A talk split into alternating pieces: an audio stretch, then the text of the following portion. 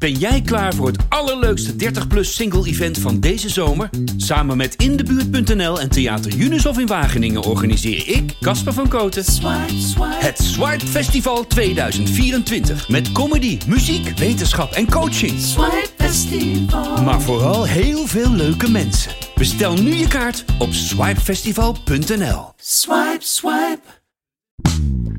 Dit is Caspers nieuwe de Volkskrant. Nummer 9.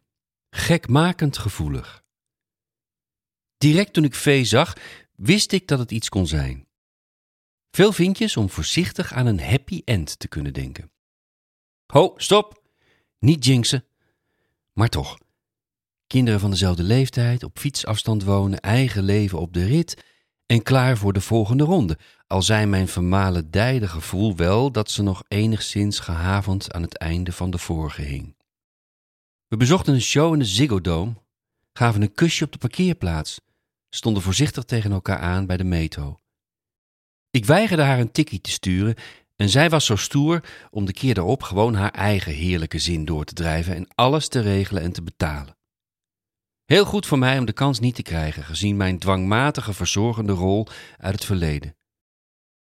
Ook waren wij, al was het voorzichtig van mijn kant, hard op weg om in onze wederzijdse vriendengroep een bepaalde indruk te gaan maken.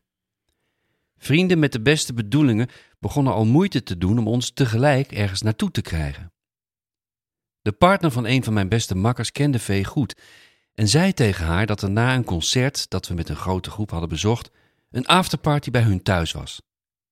Toen ik rond half twee s'nachts arriveerde, Vee was er al, bleek er niemand anders te zijn. En zo zat ik ineens, eigenlijk ongewild, omdat er voor mij nog helemaal geen sprake van zoiets kon zijn, in een stiekeme maar overduidelijke dubbeldate setup. Vee had een taaie tijd achter de rug en zat nog in de staart van een ingewikkelde scheiding van een turbulent huwelijk. De kinderen waren fulltime bij haar en ik weet nog dat ik dacht: ik weet niet of dit al het juiste moment is voor een ons. Zo onopvallend mogelijk had ik tijdens onze eerdere afspraken op de rem getrapt. Dat merkte ze en vond ze niet leuk, maar respecteerde mijn voorzichtigheid. Nu, op deze dubbeldate van onze wederzijdse vrienden, werd er nog maar een fantastische wijn opengetrokken. Er zaten er al ettelijke in. En zat ik ineens uit een soort jeugdige baldadigheid door een keihard inslaande dronkenschap met een peuk in mijn handen. Mijn drie metgezellen waren allemaal verstokte rokers, maar dat was natuurlijk geen enkel excuus om stoer mee te gaan doen. En toch wentelde ik mezelf in studenticoos bralgeluk. Het voelde aan als in de jaren negentig, nachten met een leuke vrouw en goede muziek in Café de Doffer of de Korte Golf in Amsterdam, Café de Kater in Enschede of de Spiegel in Groningen. Alleen zaten we nu in een nette huurwoning van een chic appartementencomplex met vier gescheiden ouders van rond de 50 en een Spotify-abonnement. Alles aan deze combinatie van elementen voelde cliché. Het was inmiddels drie uur s'nachts en niemand van ons zou de volgende dag één van de opgeteld acht kinderen hebben. Dat scheelde een slok, dus namen we er nog twee. Om tien over drie pakte V onder tafel, perfect getimed, mijn knie. Voor het eerst in jaren voelde zij aan als de juiste vrouw om dat te doen. Alleen was het moment nog geen minuut oud toen het onvermijdelijke plaatsvond.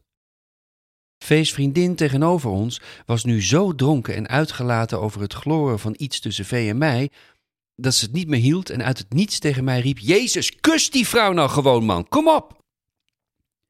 En toen was alles kapot. Alsof onaangekondigd het TL-licht aanflikkerde in de Franse puberdisco waar ik net voor het eerst een meisje te schuifelen had gevraagd. Vee voelde mij verstijven en kneep geschrokken in mijn knie, alsof ze wilde zeggen: Niet schrikken, het is goed. Maar voor mij waren alle alarmbellen al afgegaan. Blijkbaar had ik niet voldaan aan een verwachting. Het had sneller gemoeten. Maar ik wilde alles behalve sneller. Sterker nog, nu wilde ik naar huis. En geen drie ossen die me konden tegenhouden. Dit was iets waar die goedbedoelende, uitbundige vriendin niets aan kon doen, overigens. Het is iets waar ik al veel langer mee worstel. Als ik het gevoel krijg dat ik iets moet doen om het voor anderen ergens op te laten lijken, haak ik af. Ik wil alleen maar doen wat ik echt voel, anders voel ik het niet. Gekmakend gevoelig is dat. Dit was Week. Afvraag tot volgende week. Een date verstandig.